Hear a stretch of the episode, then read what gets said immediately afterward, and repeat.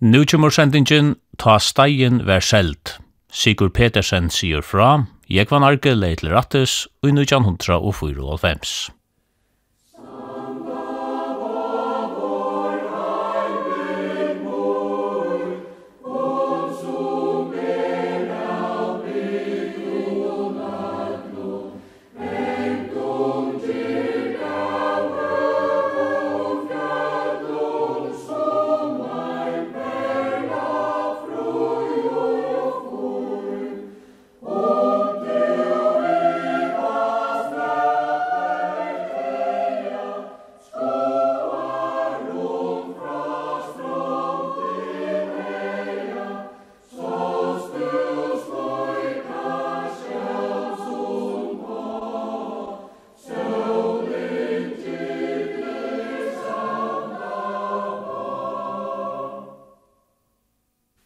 tveim sendingun hava vit hørt om løgmannsetri av stegin i Sandavæje og om nekrar at heimann løgmannen som her boe og i tøyene fra 1555 til 1822. Og i den atla vit da for tåsa vi Sigurd Pedersen om hos ui vær vi steia gære etter at tøyen tjå honom som løgmannsgærer vær utrunnen Og jeg har skilt av landet sikker at uh, myndelagene er skipa av fire at selja gæren. Myndelagene tog seg avgjer, og han skulle seljast i åtta pørsten. Trutjar mersker utangars, og tver mersker innangars og i kvarjun parste.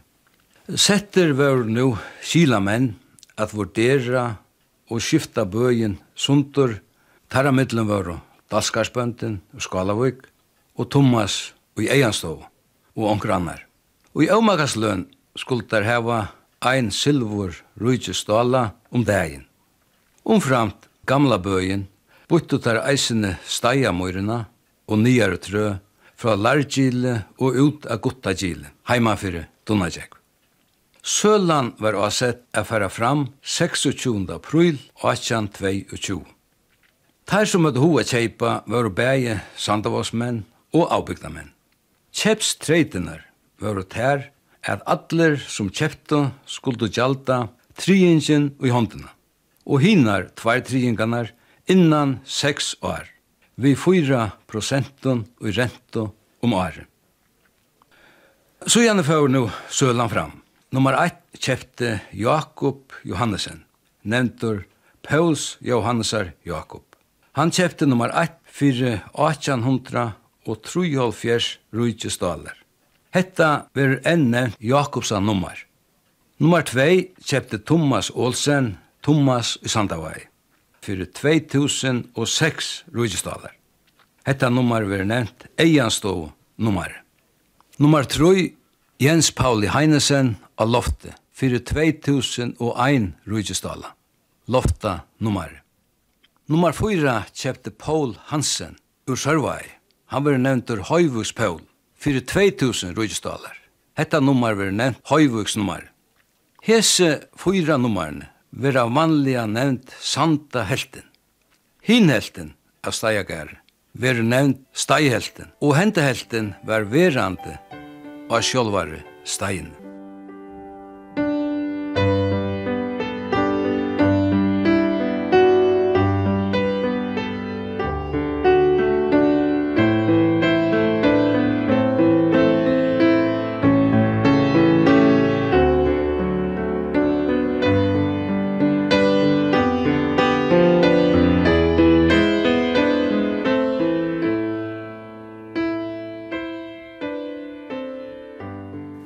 vid hava fyrir i sånn her sendingen hørst om hver i løgmævren og arbeidsfølt i husavost og steginen. Nu har vi hørst at det er flere menn av sondon som er vi til å kjeipa parter av stegageretajan var skjelter. Hver i hus var det sondon? Vi kunne færa åman i Sandatun som nevnt i fyrste sending uh, lov og fleste husene oman møte sjøvnen og i einen trunka. Her vi er stater nu, nevna vi enn i det, og lofta grund. Her stod de gamle lofta husene, tatt om av sjøvnen, når møter gamla kyrkjegær. Hetta er aldargammalt hus. Vi uh, vita om fyrsta mannen her av loftet. Han nevntes Anders Østensen, og det er så tullja som i 15 tjei og truss. Brimplass er så huset av loftet var sættene flott hiane og nian av gutta grund. Det er her nek omanfyrir barslastavna. Hetta var i 6 og truss. Og hese husene vi sutja her oppe er husene som bygd var av gutta grund ein leng la lån vi tjallar under her bønderne høttu neitene. Bant nia fyrir her hava vi barstalslåna. Hetta er ikkje så gomul hus som gommul husene av loftet.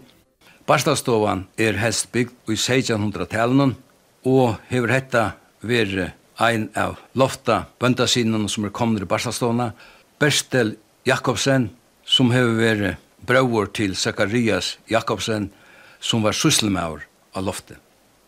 Neka nyare, norran fyrir gæren, stå husene norran fyrir gær. Her var det tver av dem heialeso, merskronen omframt og nøyør. Ta i husene var nye tidsen, var heraståhandelen bygdur av grunderna her. Og i 1906 var stårer eldsbrunne i Sandavai. Ta brunno Eianstovan, Herastovhandelen og bæje Myrhusen, som var først i handelen, alt brann i grund, og negv uthus brentsteisen. Barstastovan, av lofte og dunghusene sluppo undan. Vi kunne nu hitje at Eianstovan, her stendur nu staurur nutjur handel av grunnene. Men jeg minnes vel Eianstovusen. Det var ein lenglån som stod her, og i handelen stod som vi sutja, de stod åman og nian, her var stårer dorer i overendanen, sujan var stor rockstova, glasstova i nyare endanen, tjallar i under, flætak, her husaist bønden som var bønde i Gillion og Slattanes. Færa vi så er sintur langur ut. Så koma vi til gamlo herrastovna. Her som herraslovan i stegi vær i gamlare tøy ein lútil smotta bant nian verst vi og hetta var tja fra setta prestnun, Peter Arrebo og bantu. Tei livdu her og i lutlare smotto, Lyga til presteren døye i 1636. Og ta var herrastovan eisene bygd og hesa grunderna. Atan hetta var gamla herrastovan bygda grunderna som sagt. Hetta var gammalt kongsbønd hus. Han var bønde i Giljon Slatanese. Vid vita om bønda i herrastovan longu i 15 tjei og trus.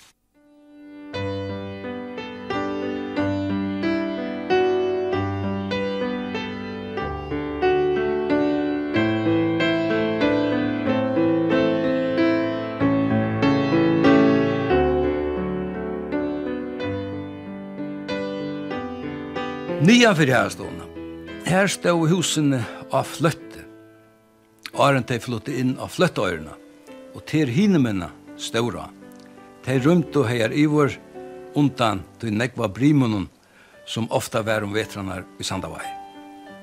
Men sattne bygde det så ånderhus, og det var oppe av fløtte. Fløttabønden hei eina heia lesa mørsk, og eina holmørsk vi åretjekk. Færa vi et sindur langur ut, så koma vi til husene vi ånda.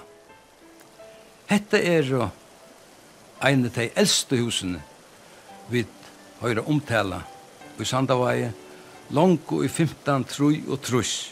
Hese husene stod og sover og når, stått fra sjøvnen, ut i møte metaron. Miska i seg segjendøld var daljanstovan bygd utanfor jonna. Husene som nu standa her er av asomo grundene som eisene standa oman og nian utan vest vi ånda. Ånder gommelhus, de og her bant vi lina av husen vi ånda, og hese husene vera nevnt vi åa. Hetta er eisene edle gammalt hus, la, lenk, lån, luyte skåte middelen husene vi ånda og husene vi åa. Hittja vi nia tjøkna metarunna. Suttja vi husene tja Berenseina, tja Pøle, og i Hottene og tja Pere. Jeg sindu langur norre, og man fyrir lån og oppi og i huset. Eldste husene i bygdene, som enn standa, er og her neka utanfyrir ånda. Hesi husene bygde Jakob Zakariasen, sysselmævor fra 1816. Husene var og sætten tøyina nøyt som handelshus, og er om lei 104 år gommel. Jakob Zakariasen var sysselmæver i meiri enn holdt hundra år og var nevntur gamle sysselmæver. Han var i utlandet og lærte som unger og kjepte nekvar av lærebøkenen som Hammersheim løgmæver hei ått.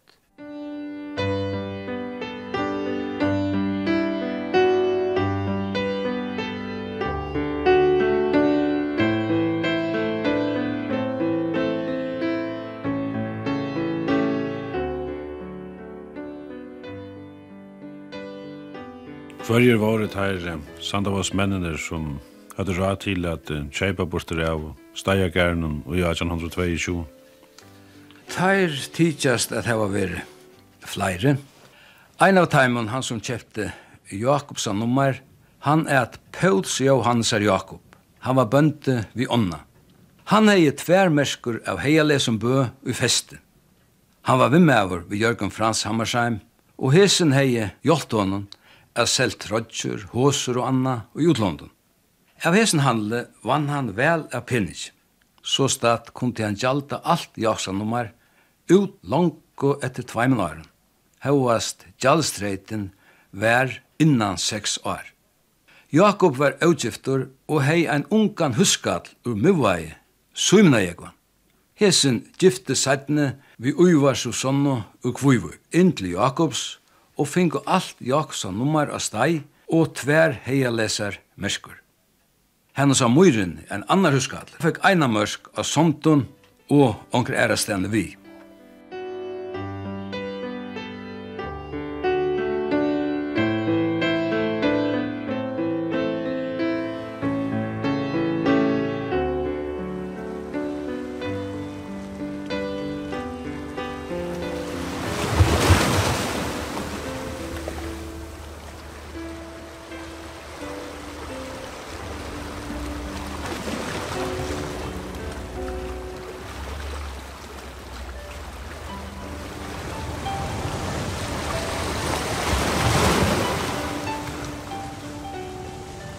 Ein søgne sier at einaferina tåg skjölderen nyr av brymme vi ånda.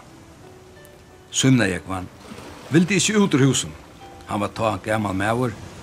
Men så sette til han ut han kalta kjekven og ta vildi han ut. Ta helt han ikkje vera røylet av litja langur. Søgnen er at drevet kistan tjonen, skrattnæje, så pengan er atler flut og av gulvnum. Hetta hefur verið ein av tam ringo primøtnum som mengan hava verið i Sandavai.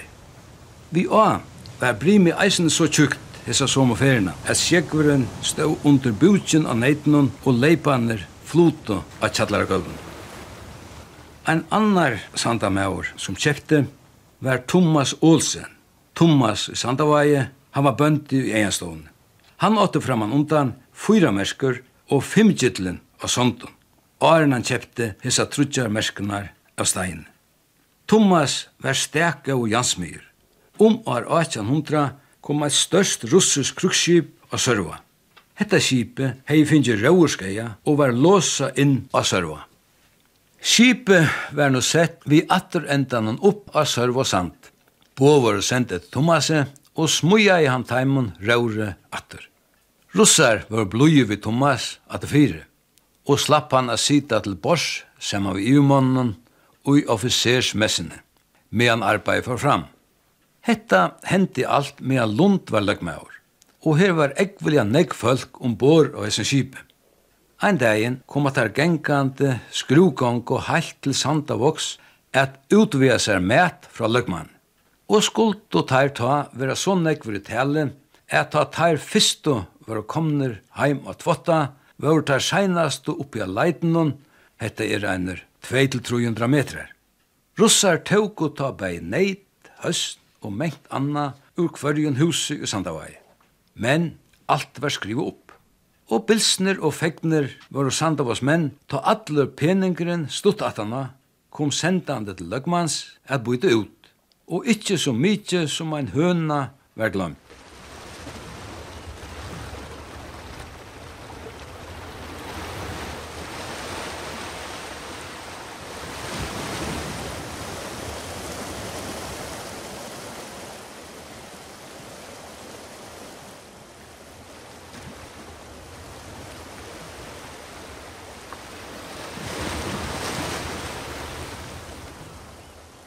innast av sanden, her i Sandavai, inne vi ausan, som vi sutja, bænt heima fyrir onna er en ur, og i nevnest eians uren.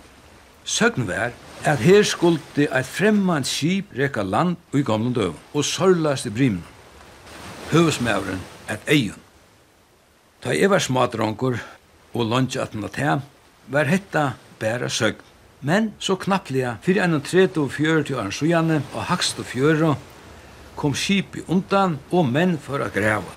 Det som kom var nyer og var botneren av skipinon og la han så djupt at åndsje bær til at få han opp i heilen løyge. Så menn gavus å greva og finko best onkur sprek av stevnenon og øren. De overborene og plankar hava helst veri tidsin til husabygningar bant etter a skipi først og i brymunan fyrir nekvun hundra åren sujane. Thomas og brauren, Ola Jakob, skulle vera sera sterskir menn. Ei morgunen færa tær av slattanes av fjall vi båt. Tattar kom ut av Niklas av bakka, bryter Ola Jakob årene. Thomas måtte oppatra land og heim etter ærar i år, og valde nu eina tunga og sterska år til brauren og helde fyrir. Hesa årene var ikke rossni av brauta, braut hese under orskar. Om kvöldi tar kom attur av Niklas bakka, heldur Ola Jakob Fyre, stuttle teg veri at rönt dessa årena brorun gammar. Han tekur nu nøkur krafta tøk og kvetter årena. Ta smultest brorun.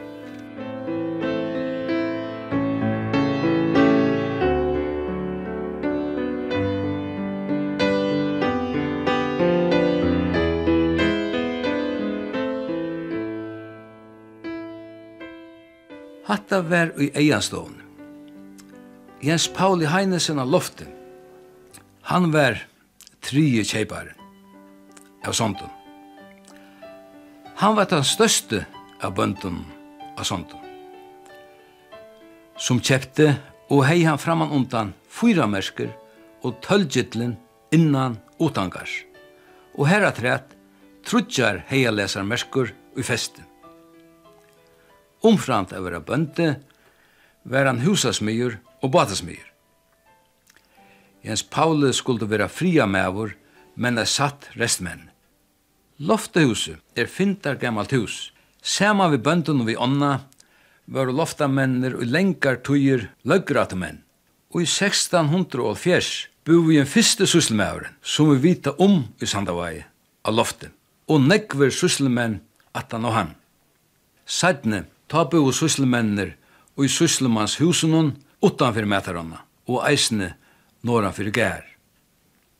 Tan fjóre som kjepte, ta var Høyvus Pøl. Han var bøndi i sørvai og hever helst haft gau evne som handelsmaur. Tog han kjepte og selte negva gjør imsastan i landen. Så hesen her Høyvuspål hever helst ongantui bo i Sandavai. Og det var kjøtt at Høyvuspål selte jörna og kolfringar kjeptu holdt nummer. Tja taimon var strujen negg av få seien av futaklett og så om sundet til kotlafjærer. Einaferna kvöldesbåteren vi seienon av lenna leggv.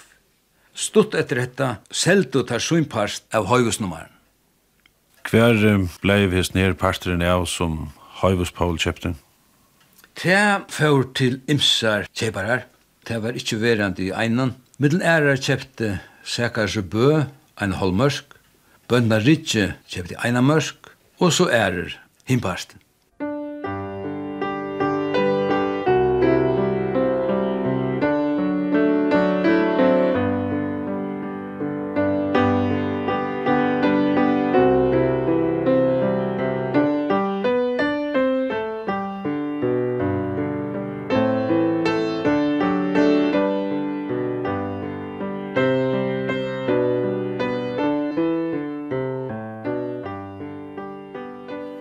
Det som vi her var tås om tid til som tid vanliga nevna Sandahelten av Stajagernen.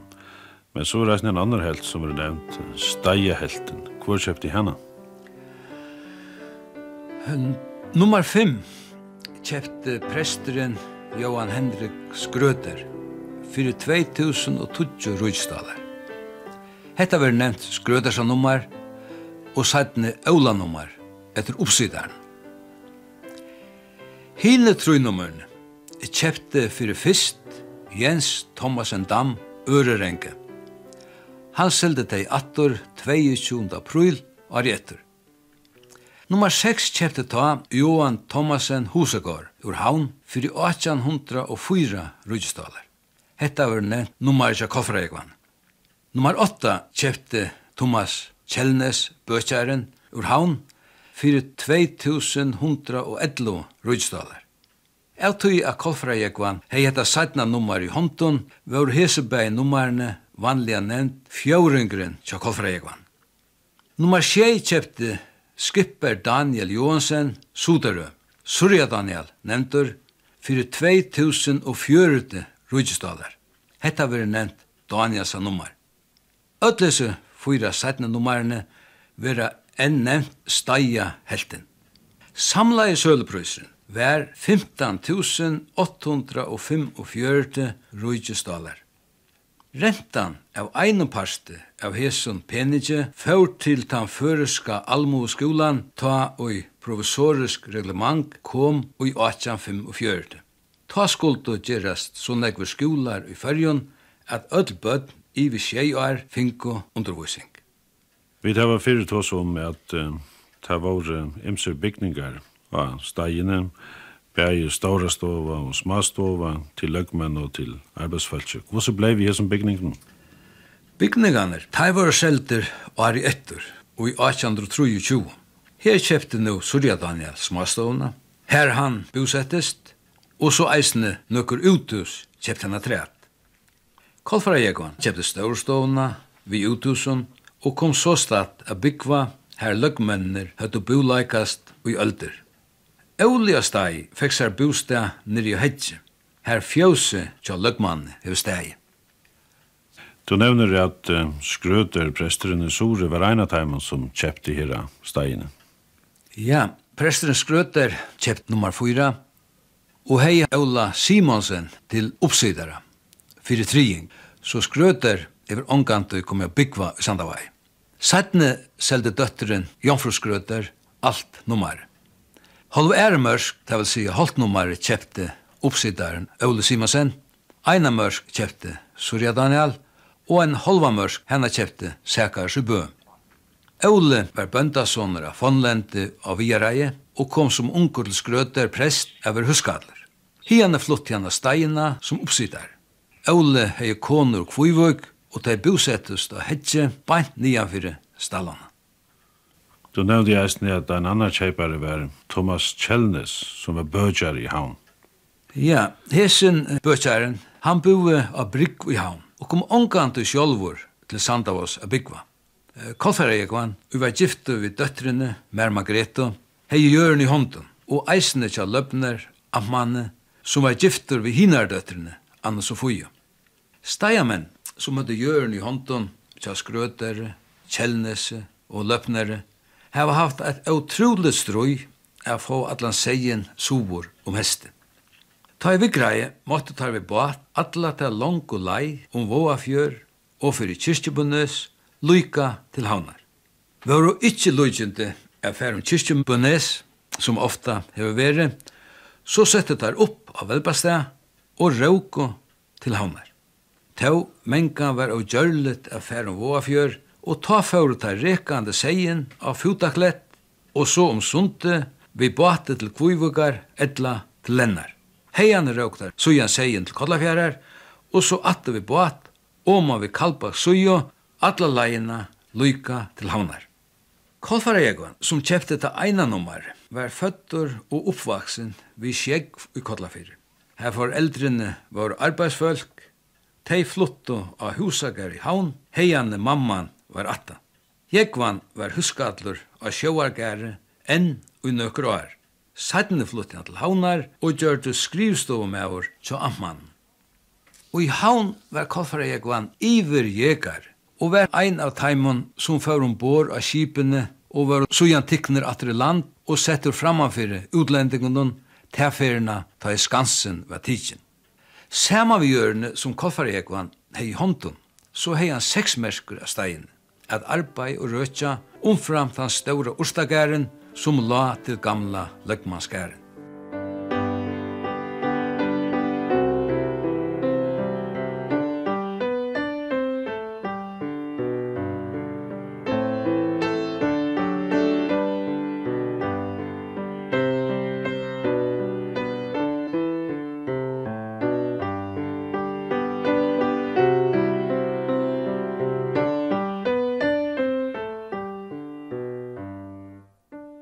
seinaste, og jeg var mest kjente av ödlenhesen her, tjeibarnen, man helst av å være Daniel Han var bøndasonur utan heia i Porskjer.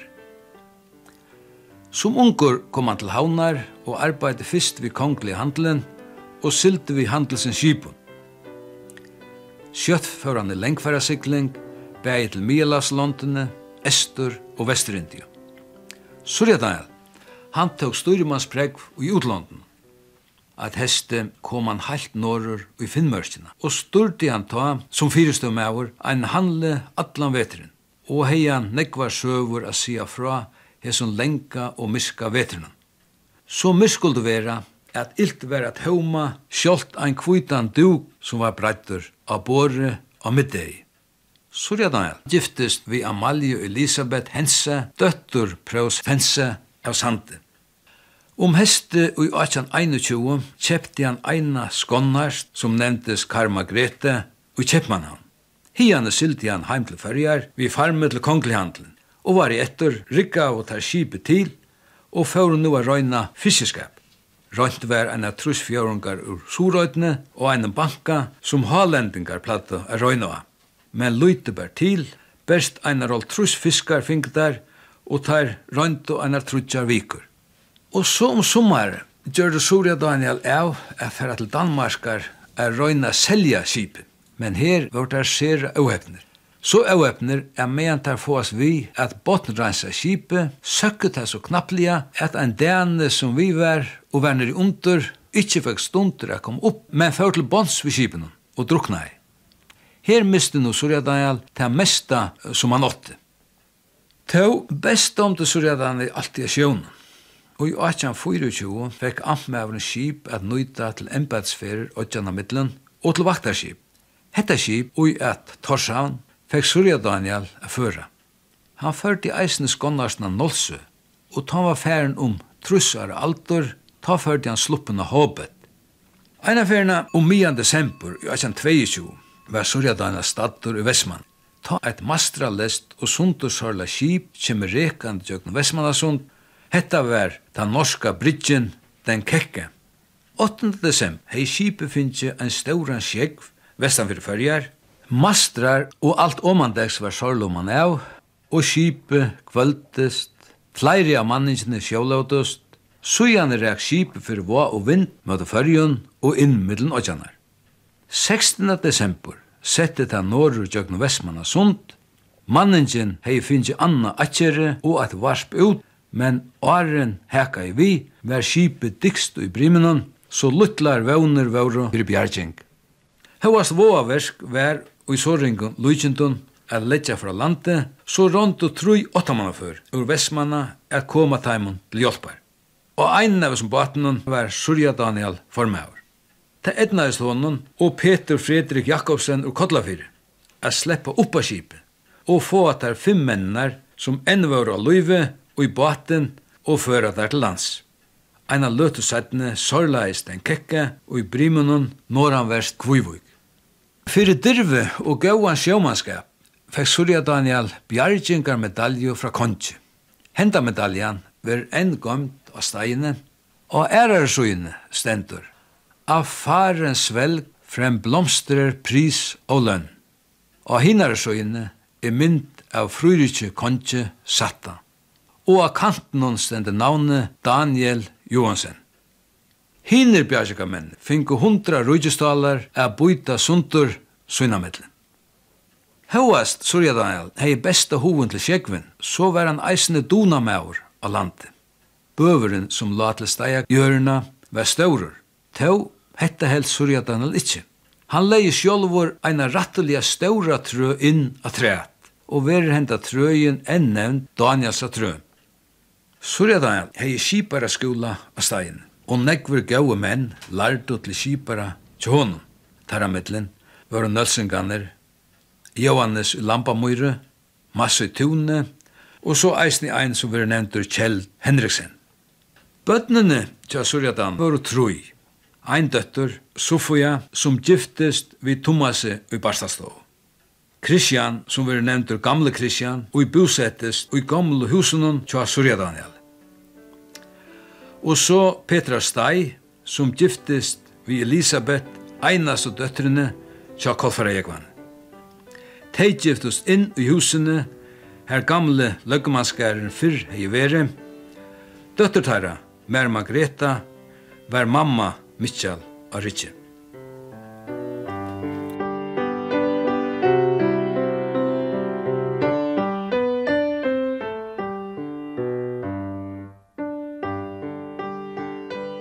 Det har vi nevnt det at steiakere for sundur i enn åtta parter, eller kanskje flere der som man omkom. Hvordan har det så røkt atlan enn den heen at han har? Sjølvande hevor heien fære. Nok så smått sundur til hever, negver, som hava arva at han hesa tøyna. Men alle reser er åtta parstaner, hava sujane, lije som fel. Men tau i fyra røkten. Heimara suja hei sutt seia mark, stuft av baven øyren, medan handra sujan hei stuft av vinstra øyra og sult av høgra øyra. Fjallskipanene settu nudjo eierne beina vegin til tveir mans av kvørst nummare 16 til samans. Kvørst nummare hei alltid somu føstu ödnar. Longu i 1820 sutja vi av einan iveliti om seg at rattelia vel hevi gintje vi seia brujunum. Hetta er marska og tær 938 lomp og heva så statt skåre vel iver tvei av gittlenen og allare stein. Hvordan er vi heanen i Sandavai i det? Og det er et sindur brøtt vi heanen. Fyrir om lai 20 sujan, ta var utskift i Sandavai, og stein se sundur og i fyra seks marska hear. Heser heian er nu, Jimbre heie, han er fra åttan av skårenen og når at fossane, som vi sutja her, og i toppen av Melsinde. Delhei er hiane fra Fossane og sovor og rensleite, nekka vel sunna fyrir futtaklett. Handasjei stretcher fra rensleite og sovor et ståra leite. Oknadelur liggur som han la. Sigur, hva sier vi Sandavavr veri som torplass? Det man nå er at uh, heimarasøyan, det er mer vanalit torplass og ringtorv. Men i handarasøyan, her er negv og gottorv. I løgmannstøyene var torvarbeid en tøyande tottur i arbeidsløgnen, og var ta meireparsteren skåren heiman fyrir fjöllene og minneparsteren handan fyrir. Men brått etter at her nudjo eierne høyde tidsi vi, steigare, kom rattli fer av torskoren av steigene, særliga handan fyrir. Meirja nekran tog gjørtes den daglige gongte nu, oman og nian delagøtto og ivrum skær at arbeida torv alt sommar i gjøgnen. Torvhajaner under stórheitje, tungan, mittlen einar, skambrekker og nyast og hajar, var butter etter jør, og torvi her rett etla bori oman av lodastegin, oman et oknadal sjegv. Og i torvhainen oman fyrir stórheitje, skauret tei oknaleso, altså torv, etla mestaparsten, og ur oartungo var alt bori heim til hus. Mengan var trånglet av gjønne, ta torskjera vær og tulljavur torbatener av gjønne. Oftast heva trutja bossmanningar skipa inn av gjønne i sen. Ein bater og hedlene og tvær inne i gjønne. Ein utanfyrir drengjen og ein innanfyrir drengjen. Oknadalsgjegg er sera kyrrvont loss, som mengan var og tuttlet av gjønne, og strutje vær at renna oman og nian gjøgnum studjen vid torlevinum. Og i tveimustøvun var kongar boreir og tvær stiar bunner av sumre, fyrir a latta om gongdena og man i baten. Og Kjettlingadel fyrir tar a skira torv om var 1900. Og nultu tar her rennestrang og i byrgeskjegv, at få torve om man etter og så i bat. Det var ikkje best i torstøyene at Åknadalsjegv kunde røynast hent vid vita eisne om utrabatar og fremmada menn som i høren anrøvere hava sett opp av Oknodalstjeg og Gintje heim til Sandavos. Eina ferna ta annar heiamæren Ludvika Stai var bostur i heia ein kævar og stæ og kom åman av bakkanon helt hans i høyra mannamal og ratt vær Ta i han kjemur åman studjen, møter han ein bossmanning og er til kvivisingar, som hava sett opp i negva stormenon og kavarøkjenon. Her kom hun nu heim til Sandavås i Øtlund Gåun og gistu her om nottena. Ta i tøyne fingust ikkje bo fra sær, så morgunen etter kom og kvujusingar at leita, og glei var tær, ta tær sjåa mennene rattur.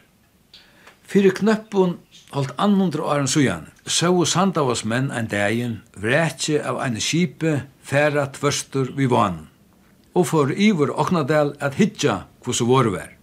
Ta var skipe færa land vi loftjainar ivri under skårunnen og. Mennene var farnir i jollunar og kom rekande fram ved bakkanen norretter. Men illa gjekst er fåa hisa fremmende mennar i land. Tar tårt ikkje, tar rattust hisa fremmende føringanar. Ikkje fyrir norre vi hedla ivri av kvivvøyk etnaist er fåa mennenar av land. Skipe var spangst Og førum sandavasmenn nu heim við taimon og bo der så, tveir i hverjun huse, inntil der einafer sluppo evater landene.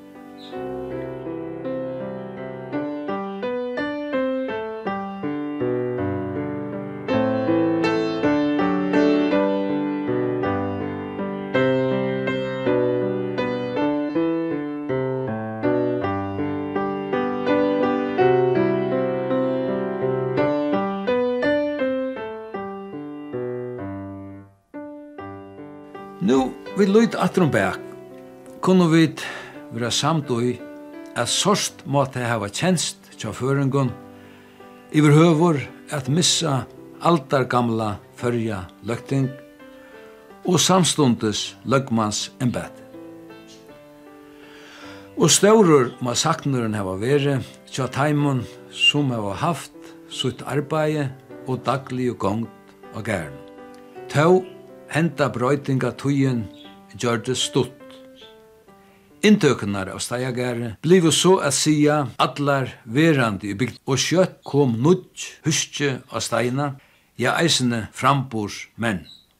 Anna folk kom og hegg i småstovene og i løgmashusene. Brått kjentes loiv atter av steine, malagaipan og badnalater atter i steia tunne. Vensel Hammersheim kom atter av vitja og sættne som fyrja prestur og prøvstur. Føringar reiste honom minnesværa og hetje nyast av steine. Færen at føreska skriftmalen. Hitt gamla var fære og ein nytt tøy haumaist fyrir framman. Ein tøy vi stauron brøytingun og i føreska bygda løyvun, som vit kjenna det dagen og i dag. Ja, sikkert, så får jeg si der takk for frasøktene om løgmannssetre av stegen i Sandavien. Sjølvor takk. Hetta var ikkje nekva takka fyrir. Hetta vil være mer enn stuttleidje.